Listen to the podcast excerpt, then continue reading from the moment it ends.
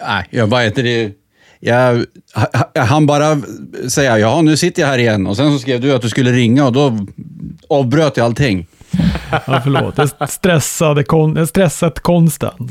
Ja, jag vad heter det, tänkte ju att jag skulle eh, förklara eh, att eh, när man var yngre så då så eh, vågade jag inte ha kepsen bak och fram. Och, det var allt för vad heter det, de här coola killarna som satt längst bak i bussen och jag satt liksom vid den bakre dörren på bussen. eh, men eh, tänkte jag, efter jag såg Dave Meltzer, då, var det så, då visste man ju att coolingar kan fortfarande ha den när man är gammal också. Vi får alltså lite live konstcam här.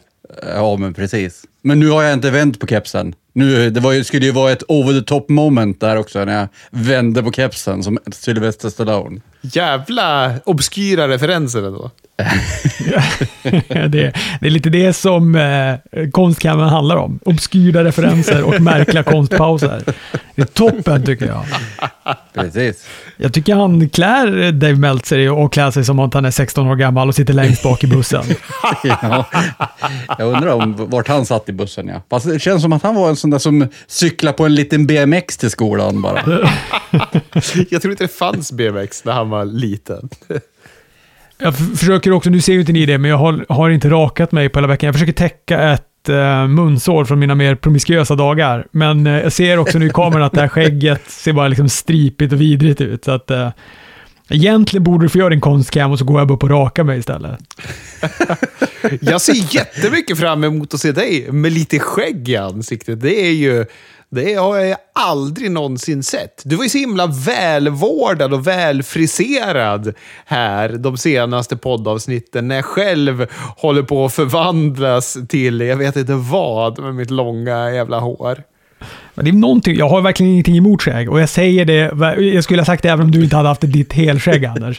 Utan det har bara att göra med att jag själv känner mig så fruktansvärt smutsig direkt det kommer hår i ansiktet. Jag går liksom och tvättar mig konstant om jag inte rakar mig.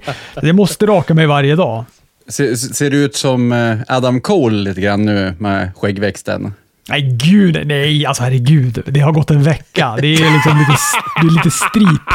Ja. Det ser ut som att det, är, att det är sticks ifall man skulle kramas med mig. Så ser det ut. Fan vad oskönt det verkar vara att kramas med den här killen. Så ser det ut. Ja, det ser ut som att det skulle lukta illa som Adam Coles skägg gör just nu. Han ser, ser stressad ut i skägget. Ja, jag undrar, som sagt, eh, när vi ändå pratar om Adam Cole. Eh, och vi hoppar direkt till Dynamite med djävulsmasken. Vi hoppar över CM Punk-grejerna. Nu kan ju inte CM Punk vara djävulen längre. Så nu hoppar vi över det. Nej, men... Eh, vad, nu, som sagt, de, nu börjar han ju skriva den här djävulen istället för att han ska prata. För de eh, är ju nervösa antagligen för att man ska lista ut vem det är genom att de säger att ah, det är de som är. är. Eh, och om det skulle vara Britt Baker, då, Adam Coles flickvän, så skulle man kanske höra ganska direkt att det var en lite ljusare röst. Eh, och vi misstänker ju att det är Britt Baker. Hon har varit arg på Twitter idag också. Oh, jag att... håller på! Jag håller i min stol nu, för jag nästan ramlar av. Vi har gått ifrån att det är en liten förvirrad axelvaddsteori till att vi nu kollektivt tror att det är Britt Baker. Det här är ju, det är ju som att Robert skulle skaffa lite skägg. Så chockerande är det här. Det är roligt också, det är Danne Johansson som lyssnar på den här podden, han är ju vansinnig för att ha hjärntvättat oss alla med den här teorin om att det är Britt Baker. Han är stensäker på att det verkligen inte är Britt Baker. Men jag tänkte på det du sa där Anders, för att har vi inte vid tidigare tillfälle hört djävulen prata med lite förvrängd röst. Och då vet jag att jag tänkte så här, jo. den låter ändå som att det skulle kunna vara en feminin röst som de bara har förvrängt. Ja, det kanske vi har och så hörde vi det där skrattet förra veckan. Eh, men det är konstigt som sagt att han började skriva helt plötsligt. Eh, det förstod jag inte, men eh, det är i alla fall 100 procent eh, bevisat att Wardlow är en av eh, de här eh, minionerna som är med. Eh, dels genom att han hade den kroppshyddan, det var han som blev utdragen av Samoa Joe. Men sen så när, alldeles efter så har ju han sin match. Och då kommer han in med en klassisk mössfrisyr. Eh, han, Nu jävlar. Nu är vi på detaljnivå igen. Jag gillar det. han, han brukar ju liksom vara slibbig i håret, men nu är han alldeles torr och puffig. Ja, du har rätt. Fan, Vad bra han är Anders, när han gör de här grejerna. Vad bra han är. Så nu har vi axelvaddar som avslöjar att det är Britt Baker och en mössfrisyr som avslöjar att det är Wardlow. Åh, gud. Fan, mina ljudvågor ser ut som ett k-pist nu, för jag skrattar så mycket på inledningen på den här podden. Nej, men du har ju helt rätt. Jag är också helt hundra övertygad om att det är Wardlow. Jag tänkte inte så mycket på hans mössfrisyr, men däremot på kroppsformen på den som blev utdragen. Och att det kändes lite lurt att de la hans match direkt efter, som för att försöka förvirra oss lite. Jo, precis. Men de tänkte inte hela vägen fram med eh, att de skulle slibba till, spraya till håret med lite blött där igen. Jag tycker det är svint. Jag tycker Warlow är jättetråkig. Jag är o- jätteointresserad av honom. Ja, jag håller med. Och nu fick han ju gå en lite längre match, då blir det ännu värre. Han har några moves som är eh, ganska fräna och då är inte powerbomb ett av de fräna movesen han har.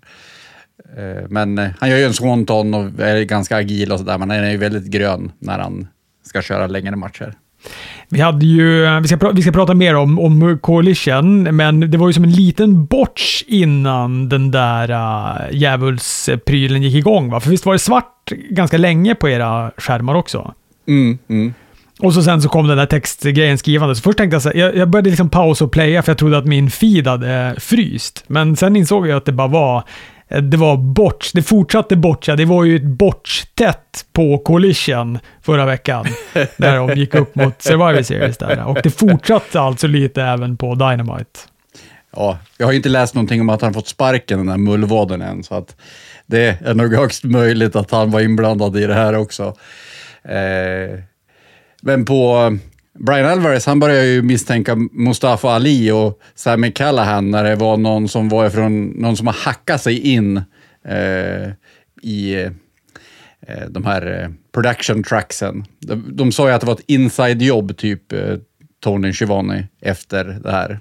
Nej, men det det, jag tror att eh, så här, minne, jag tror inte att man vågar ta in Mustafa Ali just nu som världen ser ut. Han är ganska vokal i de konflikter som sker. Jag tror att det skulle vara, det tror inte jag Tony Khan vågar faktiskt just nu. Jag tror inte Sammy Callahan eh, är rätt val heller. Ja, det är Britt Baker. Varför skulle hon annars vara så jävla salt och sur på Twitter? Hon som är liksom bästa vän med Tony Khan. Även fast hon ser lite obekväm ut när han vill vara bästa vän med henne.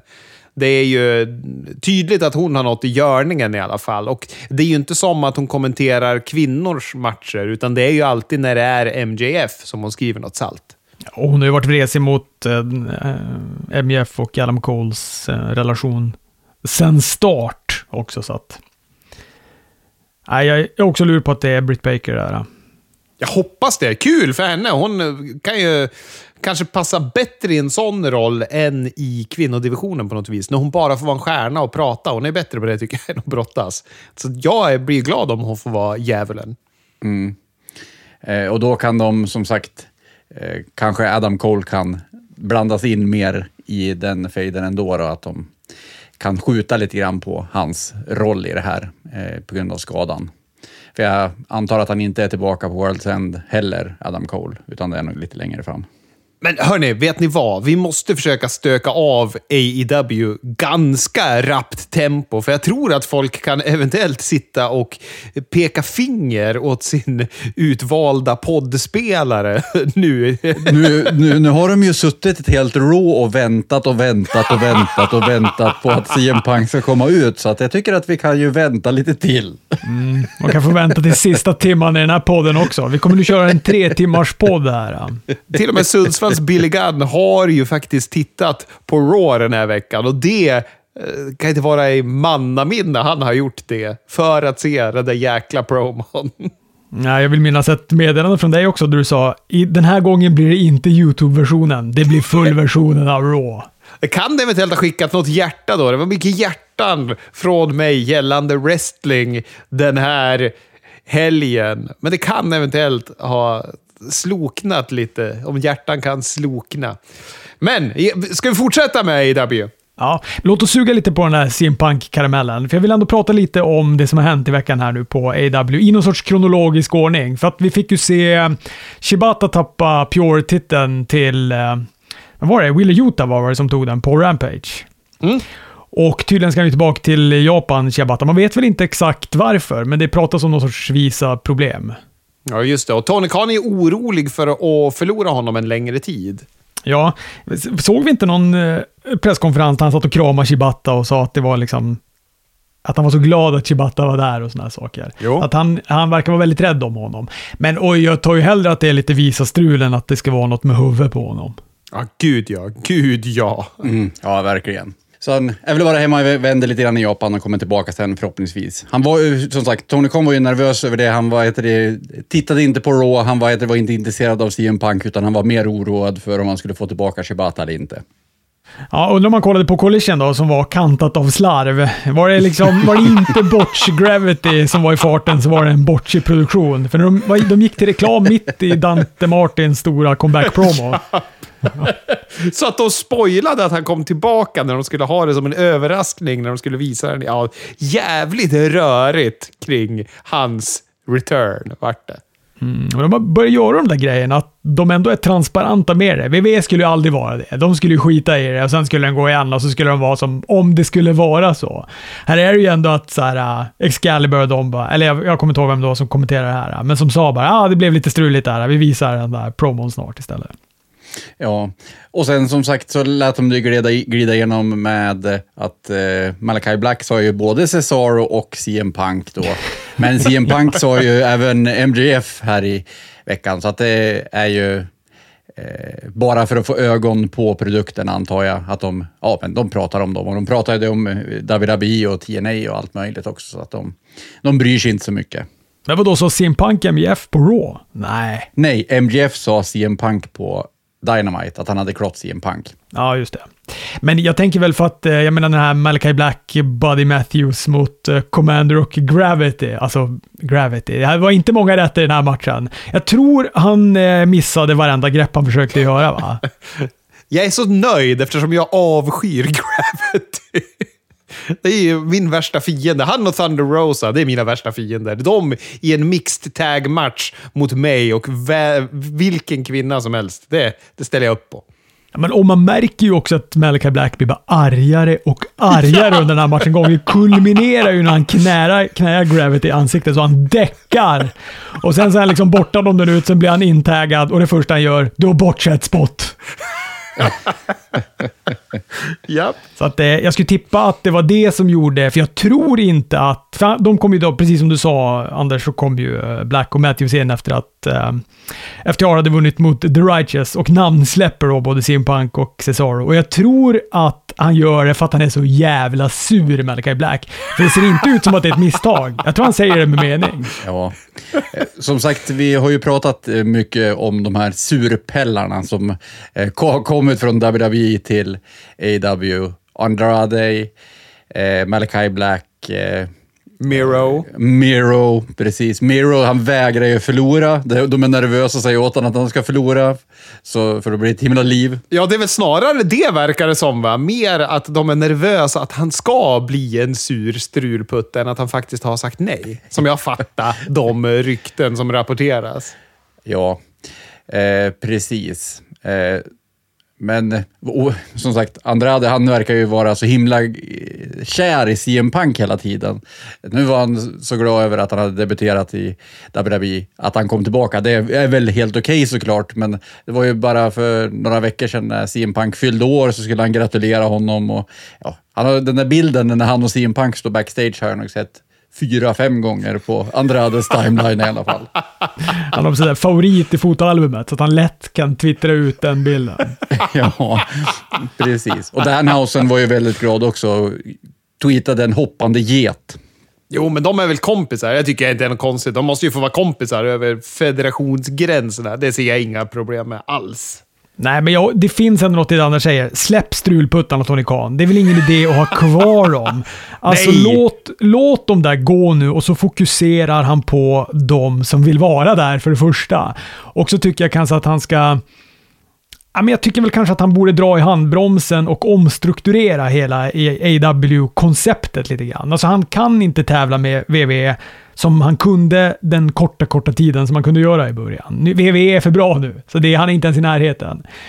Och jag tycker inte heller han behöver det. Alltså var bara ett bra alternativ som har superbra wrestling och som har genomtänkta långa storylines och framförallt skapa egna stjärnor som WWE sen kan köpa svindyrt av honom.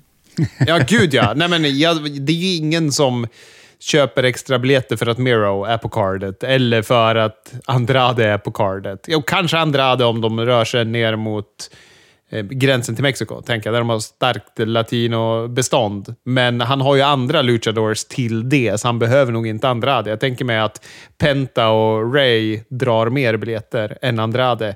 Säger jag här, som egentligen inte har någon koll alls. Det känns bara som att de är större eh, när de har latinopublik än vad Andrade är. Och vad heter det? Andrade är väl större än Rouge nu, men det känns som att Rouge satsar de hårdare på än vad de gör Andrade. För Andrade, han är ju lite sådär så att han känns, mal, mal, han känns malplacerad varje gång han är med. Eh, Jag tycker nästan Rouge är större än Andrade. Jag, det är, jag tycker publiken känns mer rabiata efter Rouge än vad de gör efter Andrade. ja, han är på gång att bli det. Jag tror att Tony Khan har lärt sig av Kevin Sullivan. Det Kevin Sullivan gjorde när Hulk Hogan kom in var ju att Hogan ville ha alla sina vad heter det, polare skulle komma och brottas i WCW. Så då gjorde han, Legion, eller inte Legion of Doom, Dungeon of Doom. Så att det bara behövde vara ett segment i veckan där det var alla skitbrottare. Han behövde sprida ut dem på fler segment. Vi sätter ihop alla stök sämsta i ett stall och så får Hogan fejda med dem, så slipper jag ha dem överallt. Nu har de ju satt ihop Andrade med Miro. De har två strulputtar som kan gå där och vara sur. De har satt ihop Malachi Black och Buddy Matthews med FTR. Det är ju också strulsurputtar. De har ju liksom tussat ihop de här ändå så att de får vara sur med varandra. De behöver inte påverka andra. Det känns lite så faktiskt. Men vad heter det, hur tro, tror ni att det är eh, stämningen? Så här, det har ju kommit ut i veckan att eh, Brian Danielson var ju, han ledde ju den här eh, diskussionsgruppen som beslutade att eh, CM Punk skulle få gå. Kommittén! Kommittén, ja precis. eh, och eh, att det, han är ju lite sådär headman på Collision känns det som. Det, han har ju, är ju så nära Tony Khan som det bara går nu. Undrar hur de här strulputtarna som är på CM Punk-sidan är emot Brian Danielson. Jag tror inte det finns någon sida där egentligen. Jag tror att alla är glad för CM Punks skull, som är hans kompisar. Att han fick en massa pengar av AEW, att han nu får en massa pengar av WWE och att han får en chans att vara där. Jag tror inte det finns...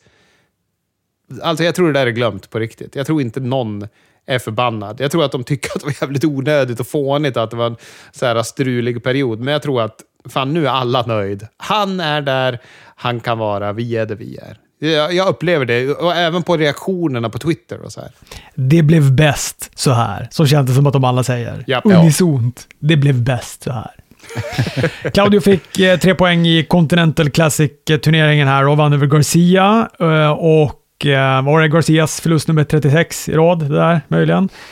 Brody Och jag King vill, fick... vill ju dra ett dåligt gubbskämt om att han hade inte inkontinent Classic. För att han hade ju en jättejobbig kissfläck när han kom in. Det, det var jobbigt.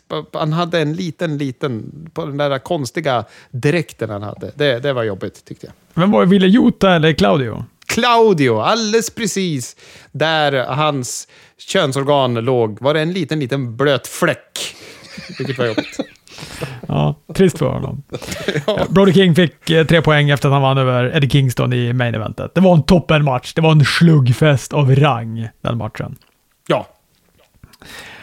Och eh, sen på Dynamite gick ju då Mox upp i sex poäng efter en bra öppningsmatch mot eh, Jay Lethal. Rouge fick sina första tre poäng.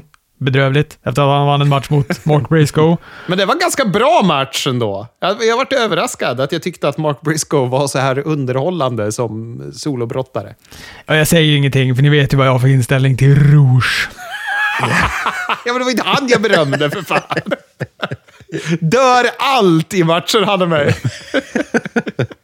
Och eh, toppen main event, Swerve och eh, Jay White som eh, aptitretade en eh, draw. Det var ju, de pratade inte om någonting annat, kommentatorerna. De bara “det är 20 minuters tidsgräns, 20 minuter tidsgräns, de kommer kanske inte hinna”. Så man satt ju bara och väntade på att det skulle bli en draw. Men eh, Swerve vann och har nu 6 poäng.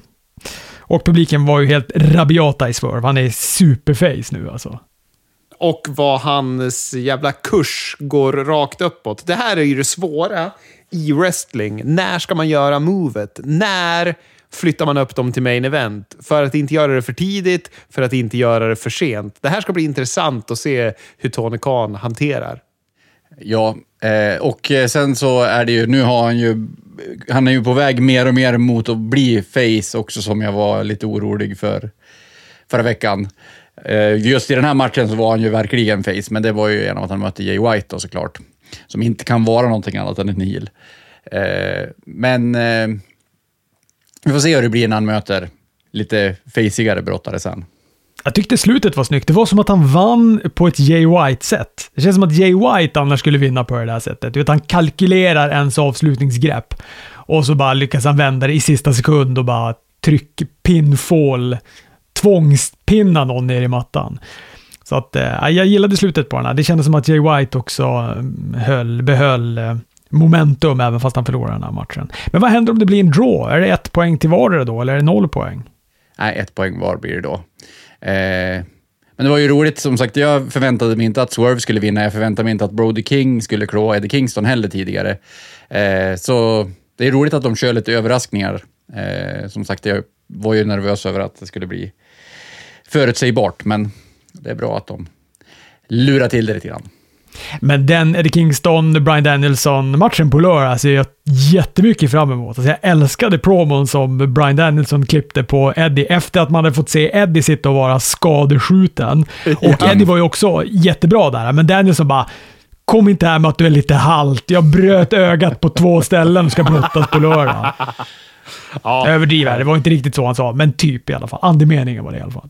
Ja, han är snabbt tillbaka efter sin operation. Två och en halv, tre veckor. Ska han brottas med den där piratlappen för ögat eller? Ja, Klassiska AEW-piratlappen. De har haft åtta med piratlapp nu. AEW. Santana, Moxley, Julia Hart och så vidare. Men han måste väl ha den här eh, packmasken eh, när han ska brottas, känns det som. Ja, just det. Den där gamla som Cody hade, va? när han var dashing, Cody Rhodes. Precis. Precis. En sån ska han ha. Men någon som är dashing, det är ju Christian Cage. Han hade ju fått en ny Tron, där det stod alla tio olika saker som var fenomenalt med honom. Att han var en bra pappa och allt möjligt. Det var ju magiskt. Men stod det generös, respekterad och, bara, och så avslutade den med fader i versaler. Jag tyckte det var toppen det där. Toppen. Ja, så jävla magiskt. Ja. Och vad han är bra på promos och Eh, ja, fan, Christian, du ska få kärlek varje vecka av mig. Du är fantastisk. Och nu vad heter det, så fick han ju äntligen ut någonting bra ur Adam Copeland också. Då. Det känns som att det har varit svårt för honom på vägen in, men den här gången så prickar, alltså på Dynamite och så prickar han verkligen rätt. Jag vet ju att Robert har någonting och, och vad är det för, han har ju förvarnat här att, att han vill prata om Edge mössa. Just det, jag hade glömt. Eh, jag vill avsätta egentligen fem minuter av den här podden till att prata om varför Edge aldrig ska få på sig en mössa igen. Men såg han inte för bedrövlig ut? Alltså om man ändå kan tycka att um, Dave Meltzer någonstans klär i keps bak och fram, så ha, har inte Adam Copeland samma tur med den där mössan. Alltså det är mycket mössor och huvudbonad idag alltså. Det är mössfrisyrer och mössor på Copeland och kepsar på Meltzer. Jag undrar vart det här ska sluta. Men också var det inte någon sån här reklammössa han hade på sig? Så Statoil-mössa som han bar. Ja. Jag hoppas det var Statoil-mössa. ja, men han, han har liksom ett litet huvud lite grann också, så att det blir, jag vet inte, lite ballong... mössa, jag vet inte vad man ska säga. Ja, men det såg trångt ut på skallen med den där mössan. Ja, precis. Simmössa. En simmössa. Nej, men eh, aldrig mer mössa, Adam Copeland. Men annars var det bra. Det var ju toppen. Han levererar verkligen på eh, Dynamite, här, promon mot Christian. Och eh, jag ser fram emot matchen. Ja, jag och. Det är ju Kanada dessutom. Publiken kommer vara heta som fan på den matchen. Han måste ju förlora. Han kan inte få vinna den där matchen Edge. Nej, nej, nej, nej, nej, nej. Det kan han inte få. Här, för att förklara för er som inte har sett, så försökte ju Christian sträcka fram en eh, fredsduva. Jag vet inte om han sträcker fram fredsduvor, men han vill ju göra det här tag-teamet nu när han inser att Edge har plockat bort Nick Wayne och Killswitch, som Christian råkade kalla för Luchasaurus, så publiken skanderade “You fucked up”.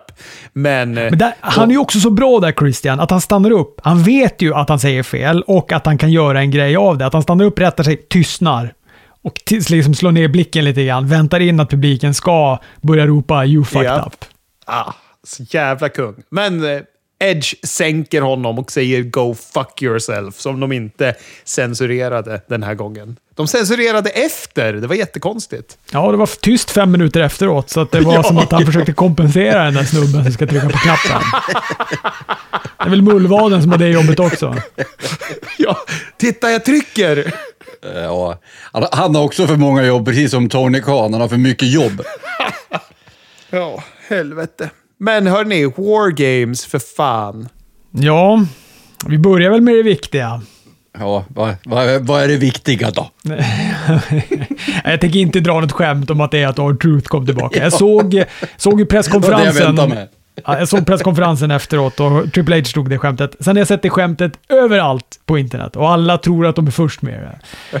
Men, ähm, nej, men CM Punk kommer tillbaka efter main eventet mellan Cody Rhodes, Seth Rollins, Jey Uso, Sami Zayn och Randy Orton mot Damien Priest, Finn Balor, Dominic Mysterio, JD McDonough och Drew McIntyre.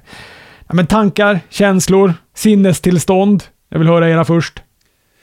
Alltså, jag fick den här känslan i kroppen som man bara kan få av wrestling, upplever jag. När man känner sig som ett litet barn igen. Man blir liksom eh, på något sätt euforisk och bara superglad. Och, och ja, jag vet inte, jag tyckte de gjorde det så jävla snyggt också, WWE. Nu gjorde jag misstaget att kolla hur mycket som var kvar på videofilen när jag tittade på det. Men de gjorde ju som de gör när de gör såna här överraskningar. De la den här lilla texten nere i hörnet så man ska tänka nu är det på väg ut.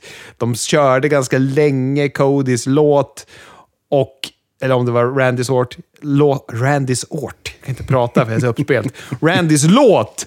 Och sen blir det ett litet kort brus och fan Cult of Personality dundrar till och jag känner i kroppen en eh, sån här wrestlingglädje.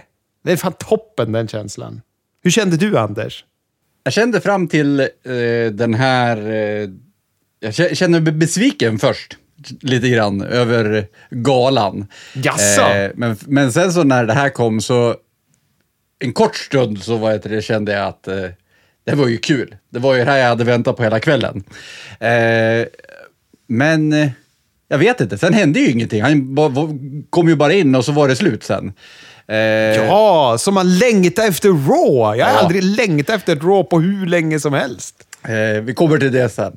Eh, men eh, ja, ja, han är tillbaks. Det, det blir mer spännande framåt liksom, men jag kände lite sådär, jag, ja, jag vet inte. Men du då Robert? Vad kände du Robert? Ja, men en del av mig fick ju gåshud och jag var lycklig, men jag satt inte där och kände den där rena och skära lyckan, vilket jag gjorde när jag såg han på Rampage, när han debuterade i AW. Här fanns det ändå en annan känsla också. Alltså en känsla av att, ja okej, då var det bara tomma ord, allting då till slut. Alltså att, jag är helt på banan med att man kan ändra sig. Folk får ändra sig. Vatten kan rinna under broar. Men det var ju inte länge sedan han stod där och sa hur lycklig han var att Tony Khan hade köpt Ring of Warner, så hans matcher och hans historia låg i händerna på Tony Khan istället för i händerna hos djävulen. Och det sticker lite i mig när ideal säljs ut på det här sättet. Av någon också som har byggt upp hela sin personlighet på ideal. Så att det var blandade känslor, men jag fick gåshud och Eh, förstå nu också. Det, alltså det, det, det jag mest satt och tänkte på när han kom in där. Ja, ett var jag ju svinglad för att jag tippade som jag gjorde och att jag gjorde som Joakim Thåström lärde mig. Att tro på sig själv.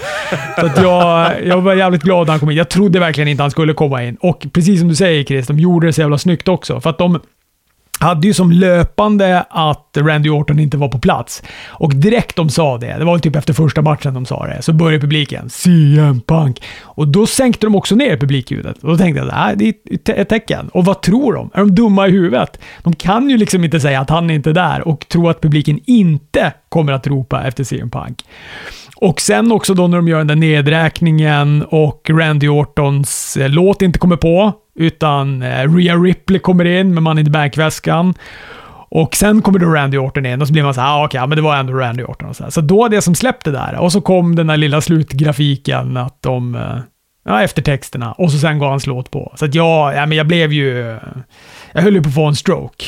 Jag har ju tänkt så här hela tiden med hans liksom comeback och det här med att han var så liksom anti-WWE och så vidare. Jag tänker att det är ju inget konstigt om det skiftar med tanke på hur nu, nu det var i AEW är ju en sak, det, är liksom, det vet man ju inte, men hur han verkar ha upplevt det, hur han har känt sig motarbetad och den upplevelsen han har, den behöver ju inte vara sann, men den är ju sann i hans värld. Och den känslan han har utifrån det, och det är väl solklart att han lägger skulden på Tony Khan, stor del eftersom han låter the inmates run the asylum. Liksom. Då är det ju inte konstigt att det där skiftar. Så jag är helt fine med att man får... Man tänker bättre om sitt ex när man helt plötsligt har varit tillsammans med en psykopat ett litet tag. Då kanske man nöjer sig med den där jobbiga jäveln som man var tillsammans med. För det var inte så jävla dåligt egentligen. Nej, men han har ju varit så fruktansvärt vokal med VV och hans hat till VV.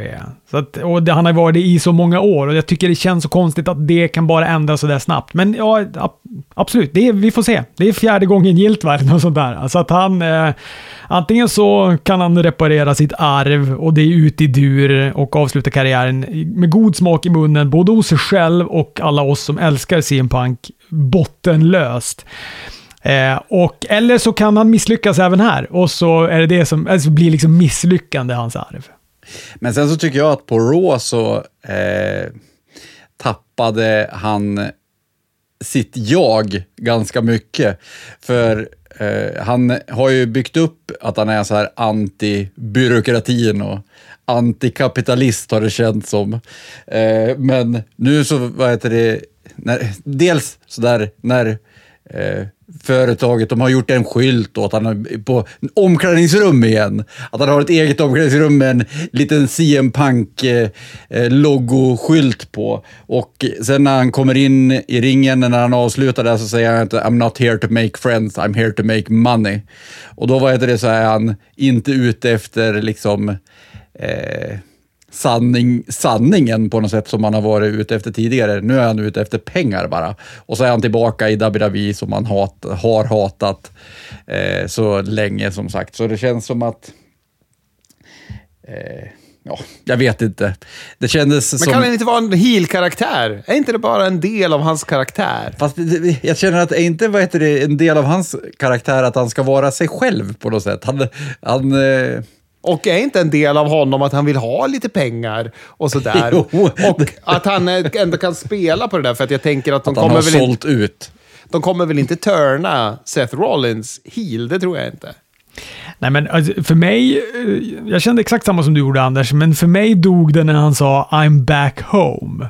Då kände jag, ja vi är där nu CM Punk. Vi är där nu där du står där och säger att du är back home. Och sen började jag fundera att det kanske skrivs in i kontrakten. När de här som har varit borta och kommer tillbaka till WWE, då måste de, öppningspromon måste innehålla I'm back home.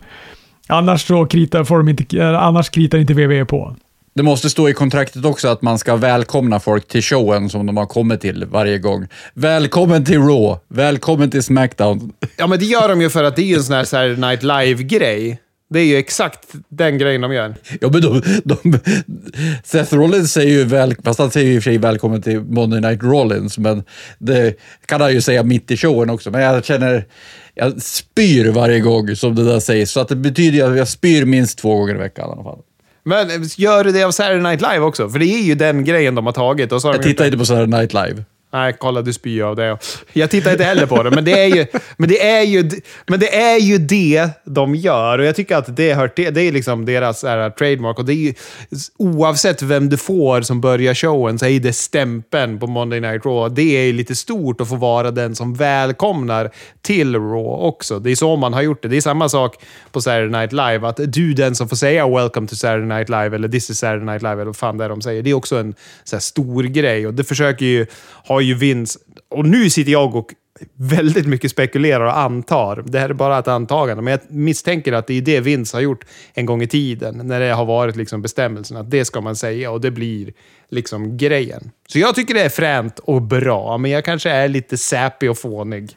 Nej, men jag skiter också i det. Men det klär att Anders, eh, att det sticker i öronen och ögonen på Anders att de gör det. Så jag gillar det. Stå på dig Anders, när det gäller det där. Jag ska stå här och veva i, i rummet. Jag fastnade också för en grej som Meltzer var inne på, när han, som han sa att han hade tänkt på när han såg presskonferensen som startade allt med Punk, alltså på Brawlout. Att han satt där och bara, nej men Punk respekterar ju inte AW. Det är det som är grejen. Han tycker att han är större än AW. Han är den som ska rädda det här förbundet och få dem på fötter mot WWE. Medan han i WWE, där vet han sin plats och kommer inte kunna balla ur på samma sätt. Och det ligger säkert någonting i det. Och det, var det, körde han, ju- det, kör, det körde han ju med nu också, att han var eh, liksom den största någonsin. Typ. Han var the most feared, han var the most controversial. Eh, och att alla skulle bli rädd för honom när han kommer. Eh, Men tänk Det- er så här. han- Men, fortsätt Anders. Jag har en... eh, Nej, skitsamma. Nej, men, tänk er så här. Tänk er att ha varit då på det här stället som han inte respekterar. Där han tycker att det är struligt. Han tycker nog att det är lite kaosartat. Man får inte ha ett eget omklädningsrum. Vad fan, alla är i samma omklädningsrum. Det är ingen som vill ha hjälp av mig. De spelar fel musik när Dax Harwood går ut till ringen. De glömmer bort att spela Wardlows låt. De vet det, klipper till fel grejer och så vidare. Sen så kommer han tillbaka till den väloljade WWE-maskinen där han säkert blir omhändertagen på ett så jävla annorlunda och bättre sätt. Och det sägs ju även att miljön i omklädningsrummet, att det är så jävla härligt och familjärt i WWE nu. Att det verkligen är så här positiva vibbar. Alla tycker om varandra. Så får han komma in i det också.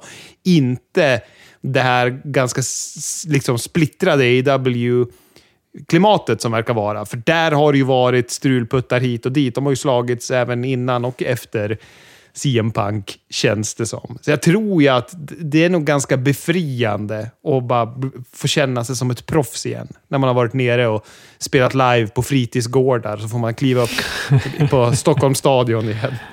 Jo, och jag förstår hur du tänker, men man, ja, jag vet inte. Han har också byggt hela sin karriär på att vara anti-VV.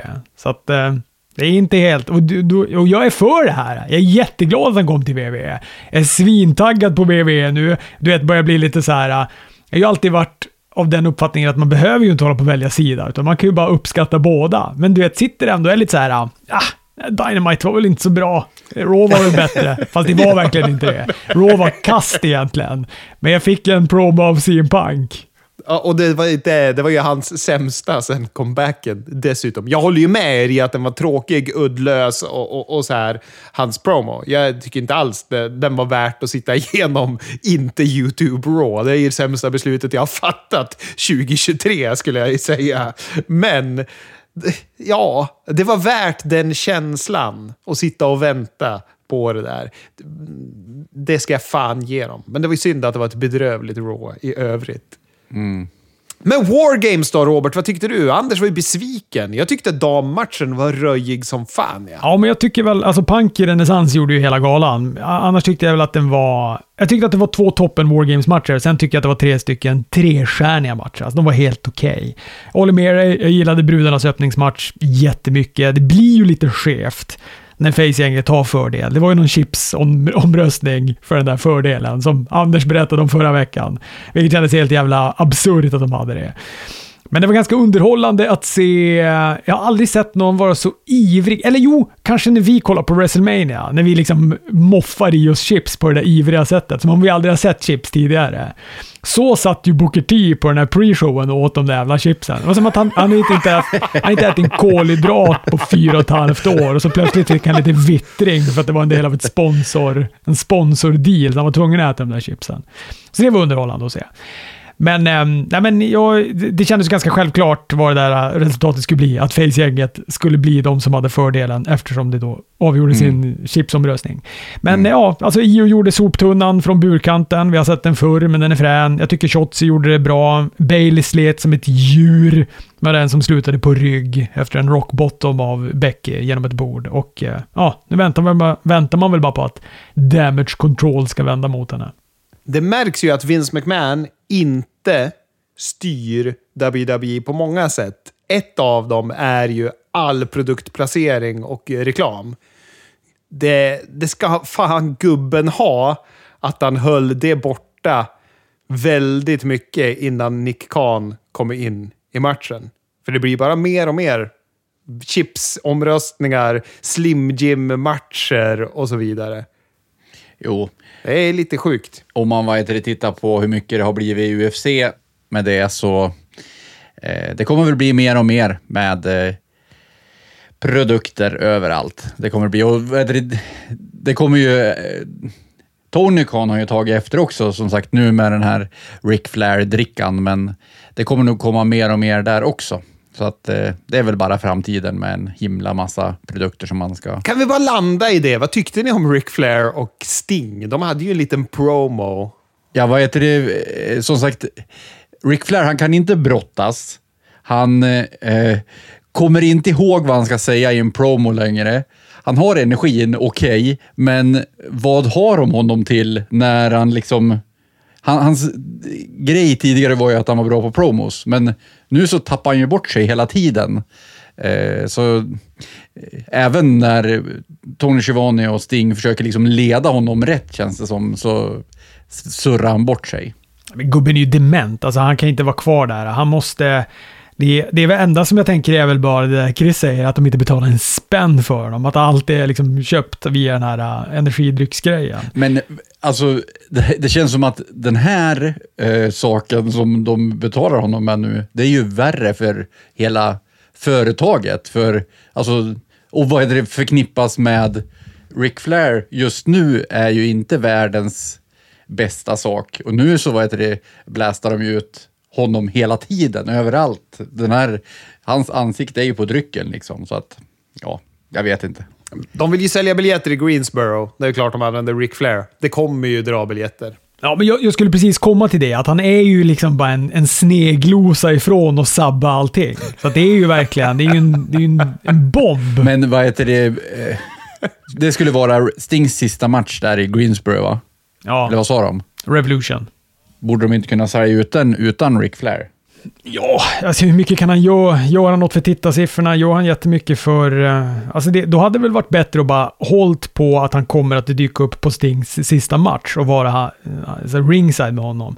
Det tror jag hade varit mer effektfullt än det här att han ska hålla på och släpa runt med Ric Flair nu fram tills att han ska göra den där sista matchen. I mars, eller vad blir det? När det är Revolution? Ja, jag, sök, jag, jag sökte precis. 3 mars. Greensboro Coliseum i North Carolina. Ja, vi får bara hålla tummarna att han inte gör bort sig fram till dess. Åter till War Games. Ja, vi hade ju då också Santos mot Dragon Lee. Det blev den matchen istället för Carlito och eh, ja, den var ju säkert 75% bättre än vad den hade blivit med Carlito. Men ändå, den var typ över på under strax 10 minuter och eh, jag tycker inte de lyckades få den där mer än, en, en till en helt okej okay match. Nej, jag håller med helt. Jag tror nästan jag hade velat se Carlito-matchen mer, för där fanns det ju någon hetta. Jag tycker att den var, det här var ju bara en uppvisningsmatch, även om de försökte på något sätt skohorna in att Dragon Lee hade någon form av upplägg. Men den var ju liksom bara en wrestlingmatch. Det kändes tråkigt. Och vad är det, vart lämnar det här Carlito? Eh, för som sagt, det här kändes ju som att det var mellanfejden fram tills Ray kommer tillbaka eller någonting. Exakt. I och för sig, kanske, kanske det kan vara så att eh, Santos möter Carlito på Royal Rumble eller någonting då och sen så blir det Santos mot Ray på WrestleMania. Jag vet inte hur länge som Ray kommer vara borta. Men hade de inte kunnat vända på det då? För det känns ju, det är precis som Chris säger, det enda som var med Kalito var att det fanns lite story däremellan. Då hade de väl kunnat vänta och göra Dragon Leap på Royal Rumble och bygga upp någon sorts story mellan de två också, så det skulle finnas intresse av att se den matchen. Jo, men han kanske är småskadad nu och sen så tycker de att det här bygger ju ännu mer story. Nu har de ju ännu mer agg mot varandra, för nu skadar han ju honom också. Men det tycker inte jag. jag håller med. Och samma med Miss mot eh, uh, Gunter. Det tycker jag var... Det är väl den tråkigaste matchen jag sett med Gunter, men det var ändå en helt okej okay match. Publiken älskar ju verkligen The Miss och det är ju helt sanslöst. Jag var, jag var faktiskt överraskad över den här matchen. Jag tyckte den var bättre än vad jag trodde faktiskt. Det, det, det tycker jag fan Miss ska ha. Eller, det är väl säkert Gunther som ska ha det. Men den var mer underhållande än vad jag hade förväntat mig. Alltså kommentatorerna nämnde ju Chris Jericho eftersom han har rekordet i antal interkontinentaltitlar. Jag tror att det är nio stycken. Då blev du nervös? Nej, ja, jag blev nervös för att Miz skulle vinna. Jag skrev ju panik till dig då, Anders. Men eh, det var... Jag tyckte att det var snyggt att han... Att Gunter vann med en Walls of Jericho. Det gjorde liksom att matchen blev en trea istället för en två. Det var en tvåa fram till att Gunter tog, band upp han i Walls of Jericho och lyckades vinna på den. Fan, styv skala! Men de var bjussiga. Eh, var det för att, eh, var det för att de hade eh, liksom, tagit CM Punk ifrån AW? Var det därför de var bjussiga med AW och nämnde Chris Jericho och även pratade, de sa väl aldrig all in, men berättade ändå om all in. det var deras liksom, tip of the hat. Ja, jag känner att de, de har väl kommit till den nivån att de är inte nervös för dem längre heller. Och som sagt, AEW, de bara nämner ju WWE till höger och vänster, så att det är ingenting som förändrar någonting. De har nu hört CM Punks berättelser om hur det är, hur dålig Tony Khan är på att lägga band på Miro och gänget. Så bara, ni behöver inte bry er. Det är jävla hönshus det där. Det var, det var lite roligt på Dynamite, för eh, när Maria May skulle knacka på Tony Khans dörr så eh, efter det så sa ju Tony Schiavone att Hope she is not interrupting a meeting. Och så vad heter det, eh, skrattade Taz till som att det var någonting som hade hänt internt, typ kändes det som. Eh, jag har ju varit inne på hans eh, lilla Caesar eh, beteende som jag misstänker att han har. Eh, och eh, Kanske det kan ha varit något sånt, någon som avbrutit ett möte och fått höra. Fått sina sillar varma. Det är härligt med dina teorier. Jag ser i uh, mina anteckningar här att jag skrivit miss kickar ur en powerbomb? Frågetecken, utropstecken, frågetecken, utropstecken. Alltså, det är, det är så fel. De kan inte boka honom. Han kan inte kicka ur en powerbomb av Gunter. De kan inte boka honom som en jämlik. Det är, alltså, det är så jävla skevt.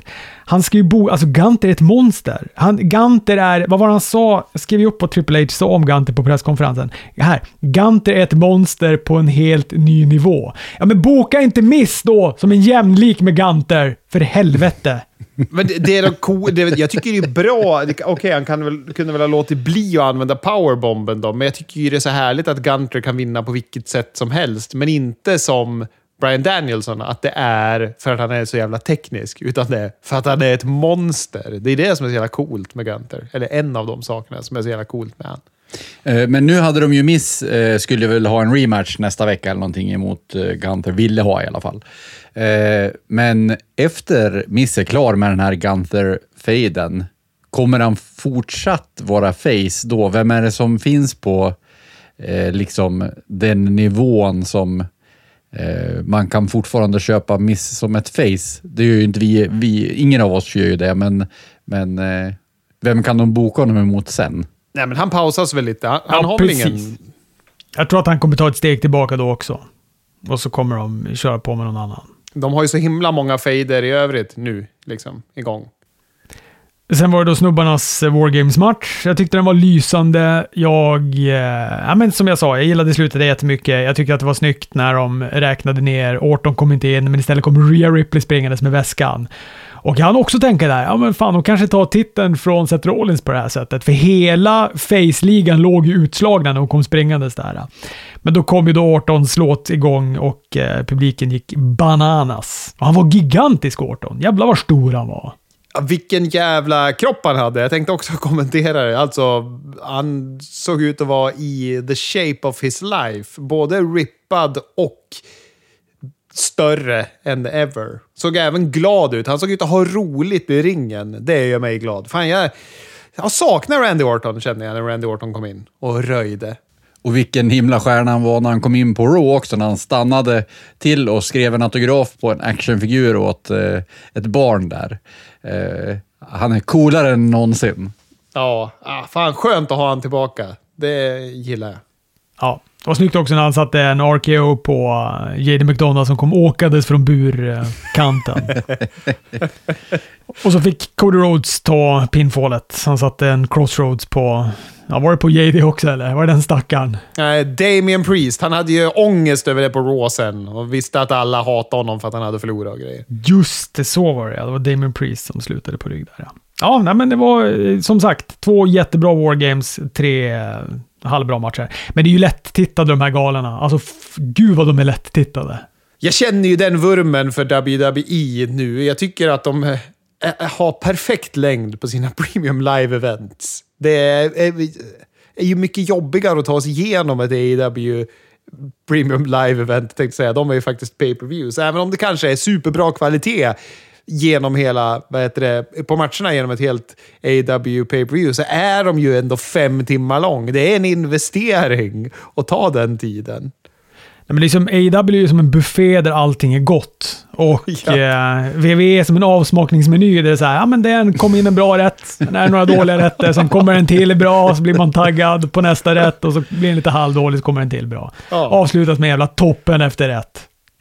Eh, ja, precis. Nu var den 2.50 eller någonting hela galan, eller? Ja, det var kortare än ett Raw. Ja, helt sjukt. Men mycket mer uppsluppen stämning på presskonferensen i WWE. Cody kommer in och skrattar och parodiserar Triple H, sätter på sig läsglasögon och måste läsa till om att Survivor Series var en succé och såna här grejer. Ja, det var det kul. Han kommenterade också Jade Cargill. Hörde ni det? Han var, det gav en liten underhands, eller en sån slapp till AEW. Att det var ju inte hennes fel att de var, inte var redo, utan hon hade inte fått den träningen som hon behövde. Och de ville inte släppa, släppa in henne i ringen förrän hon var helt redo för allting. Men vad, tränades hon Jade av de här uh, QT och gänget? Jajamän, QT som har sagt upp sig från AEW för att han inte tycker om den riktning som förbundet har tagit. Ja, såg, såg ni vad heter det? De var ju, hon var ju där på Nightmare Factory tror jag och tränade och eh, var ju där och tränade med Ricky Starks.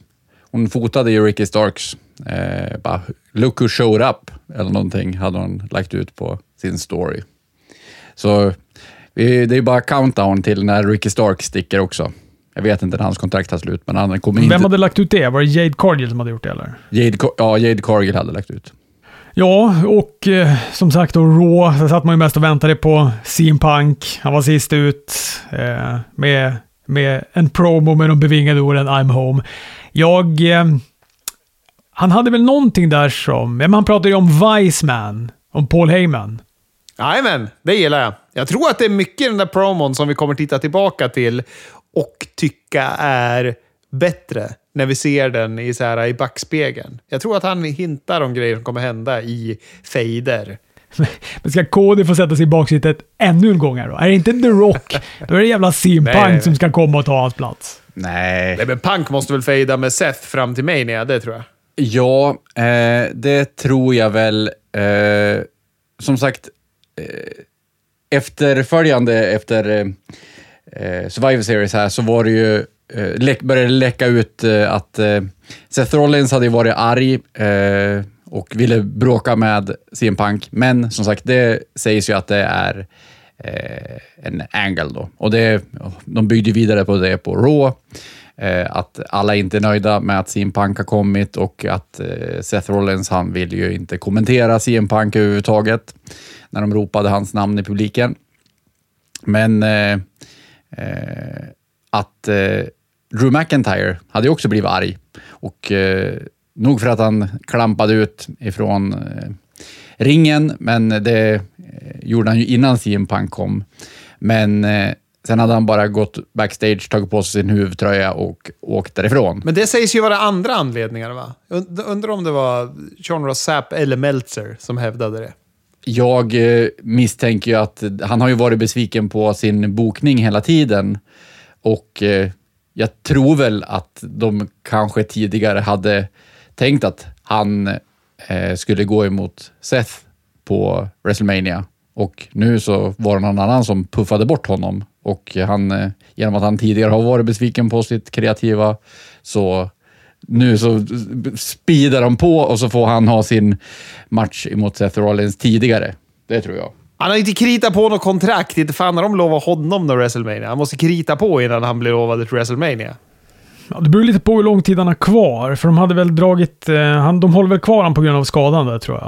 Har jag hört någon prata om. Säkert Meltzer.